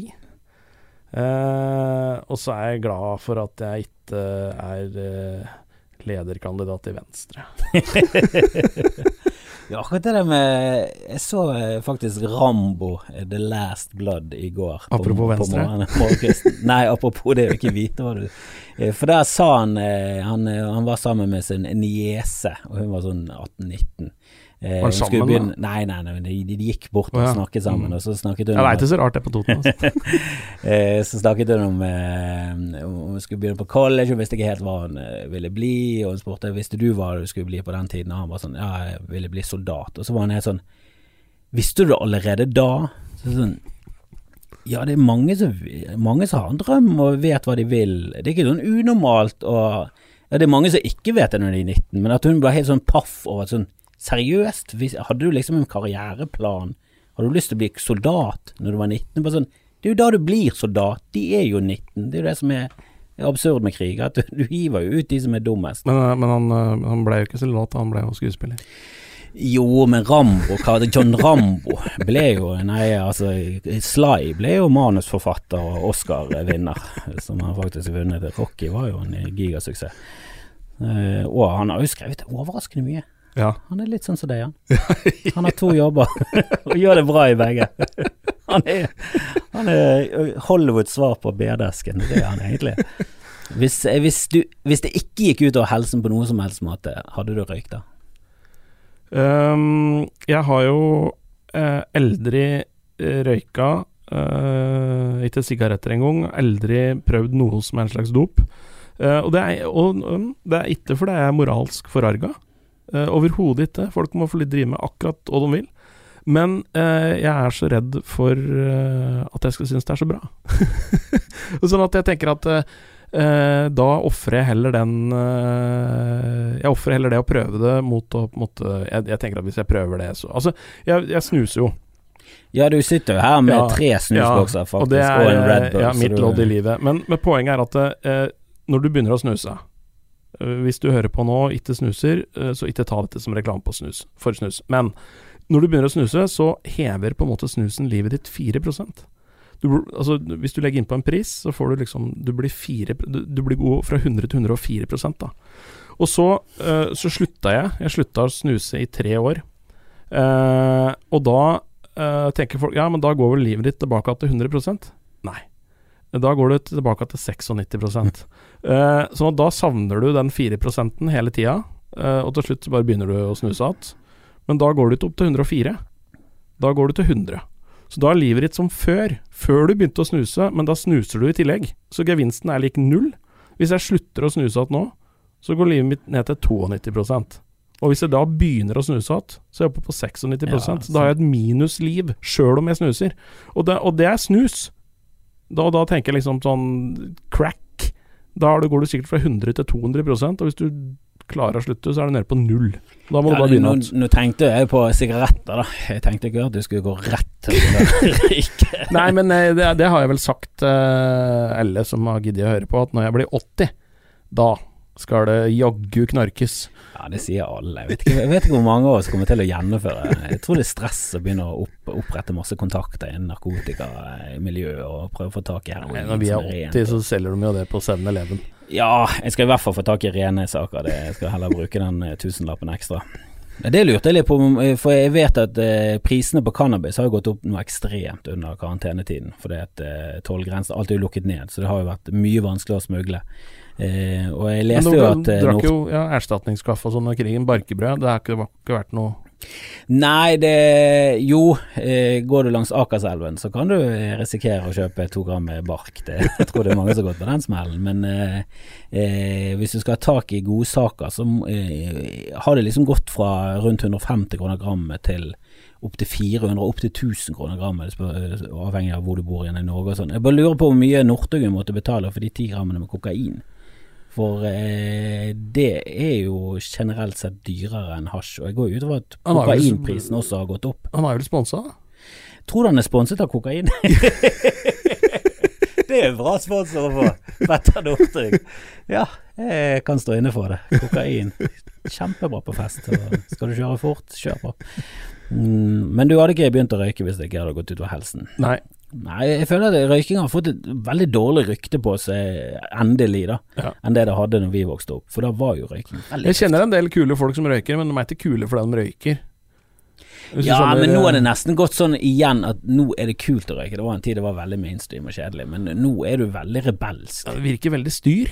Måtte gå ut og Jeg husker jo før Jeg er jo så gammel at jeg husker før røykeloven eh, kom. Og hvis Ja, du hadde vært ute på byen, så måtte du jo brenne klærne dine etterpå. Ja, ja, Det lukta jo dau eh, i to uker. Ja.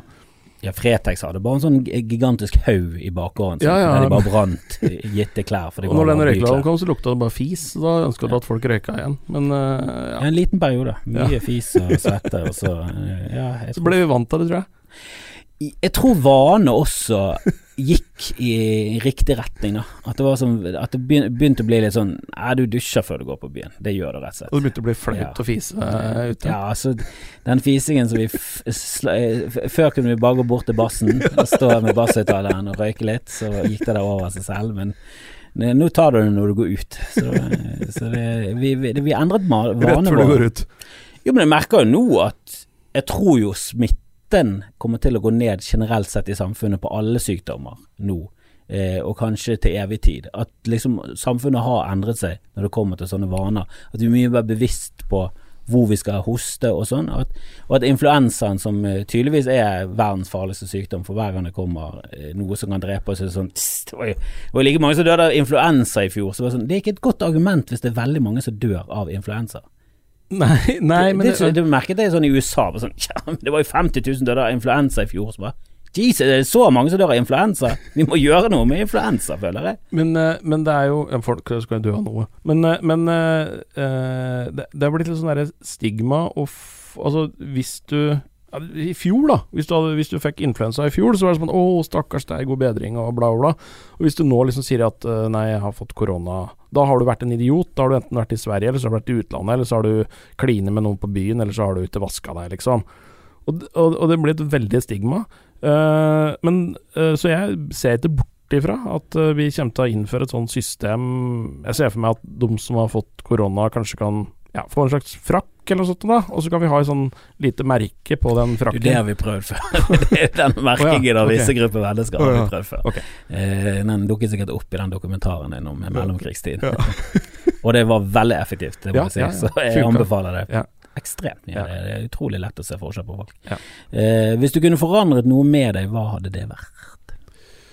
Og jeg sier ikke at det er noe gale med deg, jeg bare sier at hvis, hvis du kunne forandret noe med deg. uh, da ville jeg ha uh, tilegne meg eh,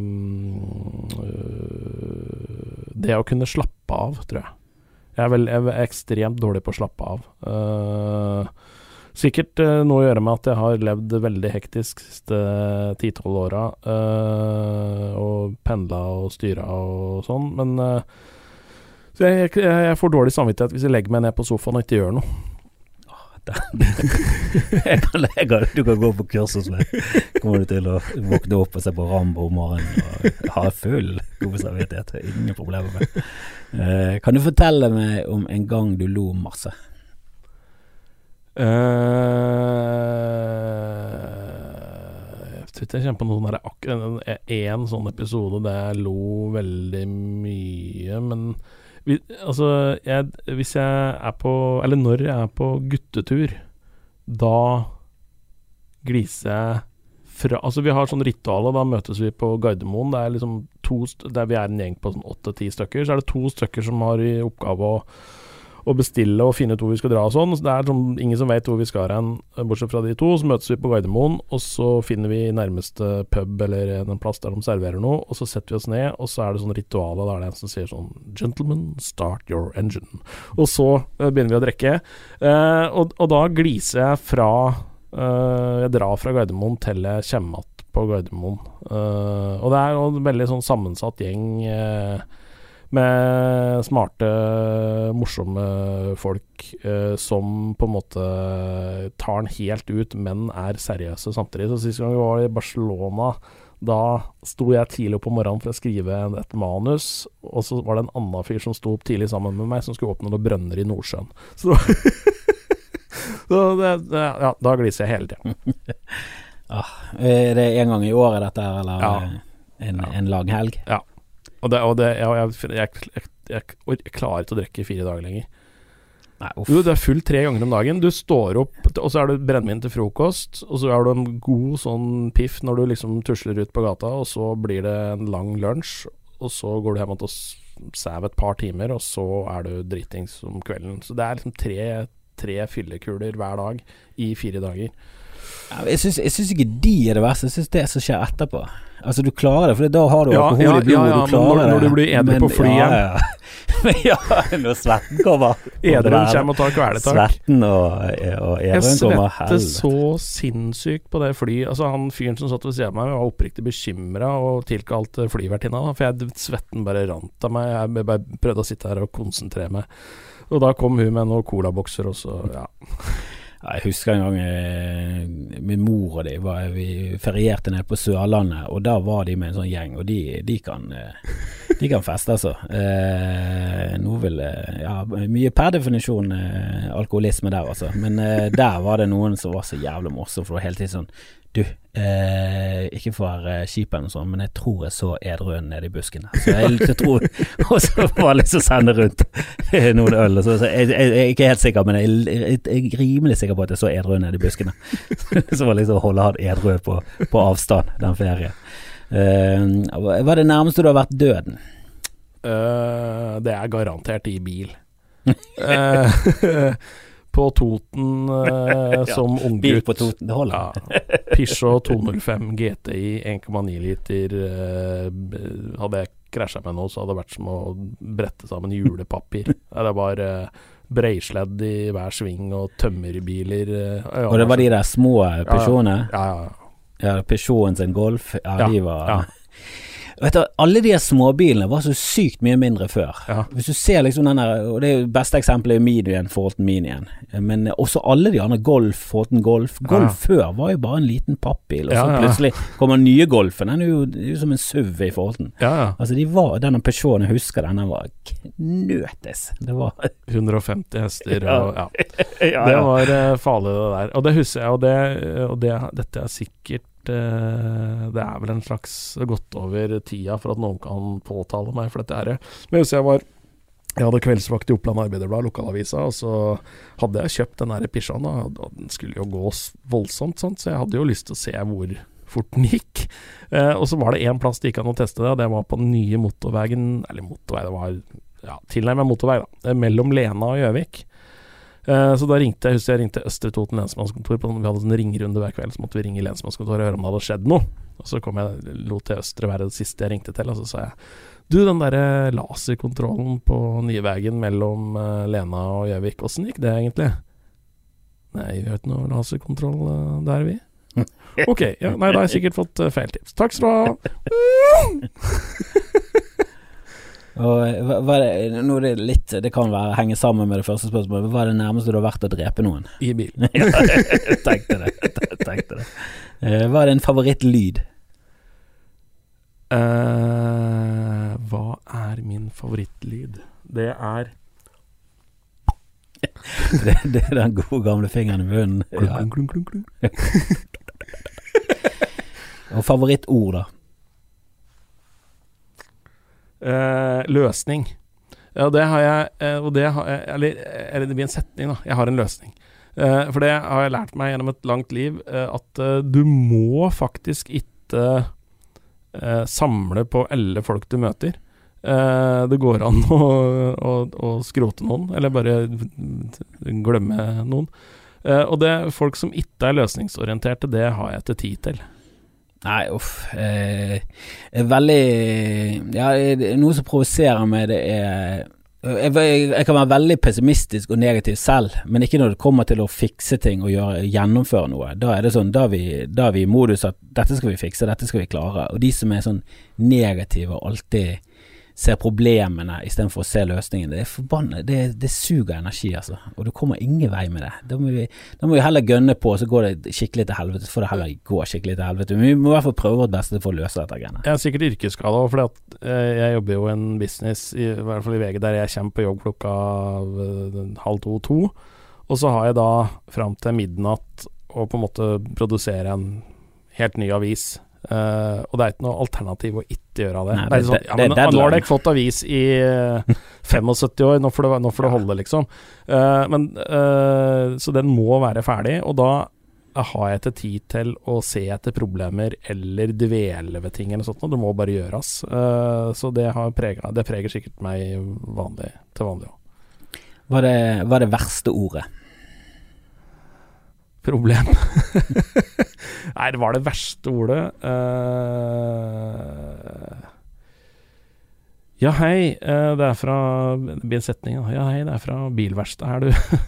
Eh, nå, nå har jeg ikke bil lenger. Nå har jeg bare satt den vekk. For det, det irriterer meg så uendelig at uh, Hvis du lever inn bilen din og, og der er det sånn derre Du må bare stole på fagfolk, da. Men når de ringer fra verkstedet, og så sier de at eh, ja, nei, det ser bra ut det her, vi må bare skifte to foringer i bakakslinga her, og ja, blir det dyrt? Der? Nei, de foringene, de, det er 50 kroner stykket, det. Å ja, men det, ja, men det tar åtte timer å ta ut noe greier her, og Å ja, så du har kjøpt en ny hytte, du, ja, så du skal bare suge ut 15 000 av meg, du, fordi at eh, jeg aner ikke om det er noe feil eller ei. Ja.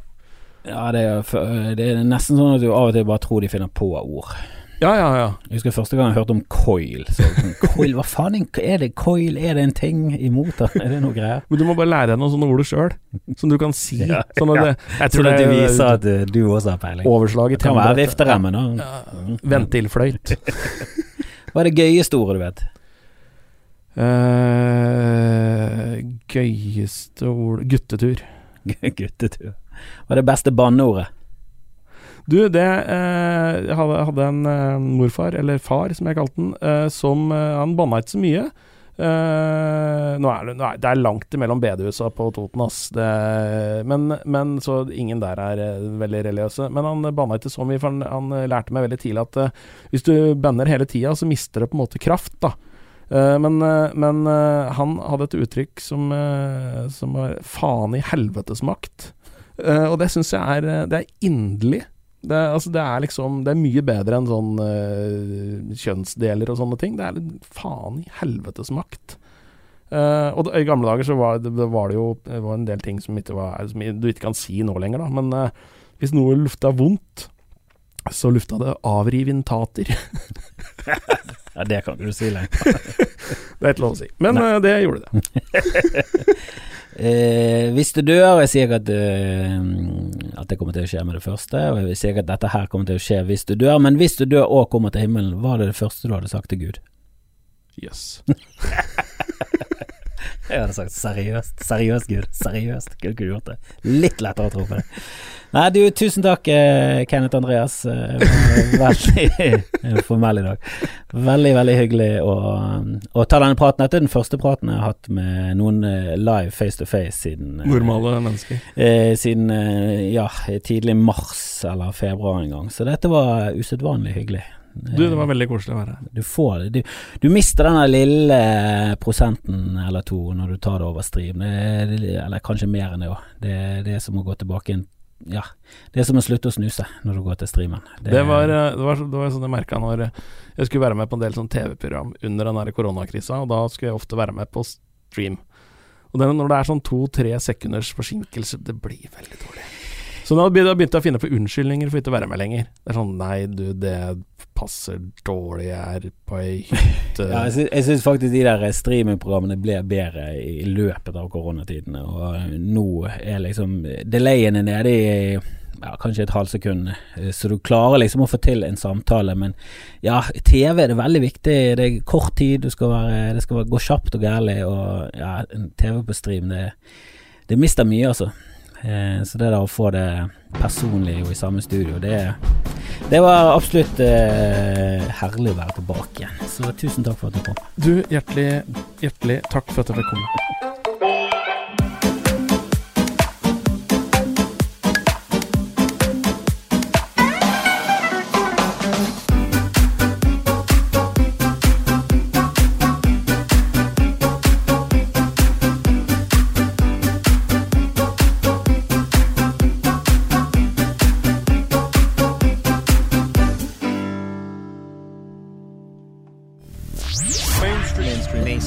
Mainstream. Mainstream. Mainstream.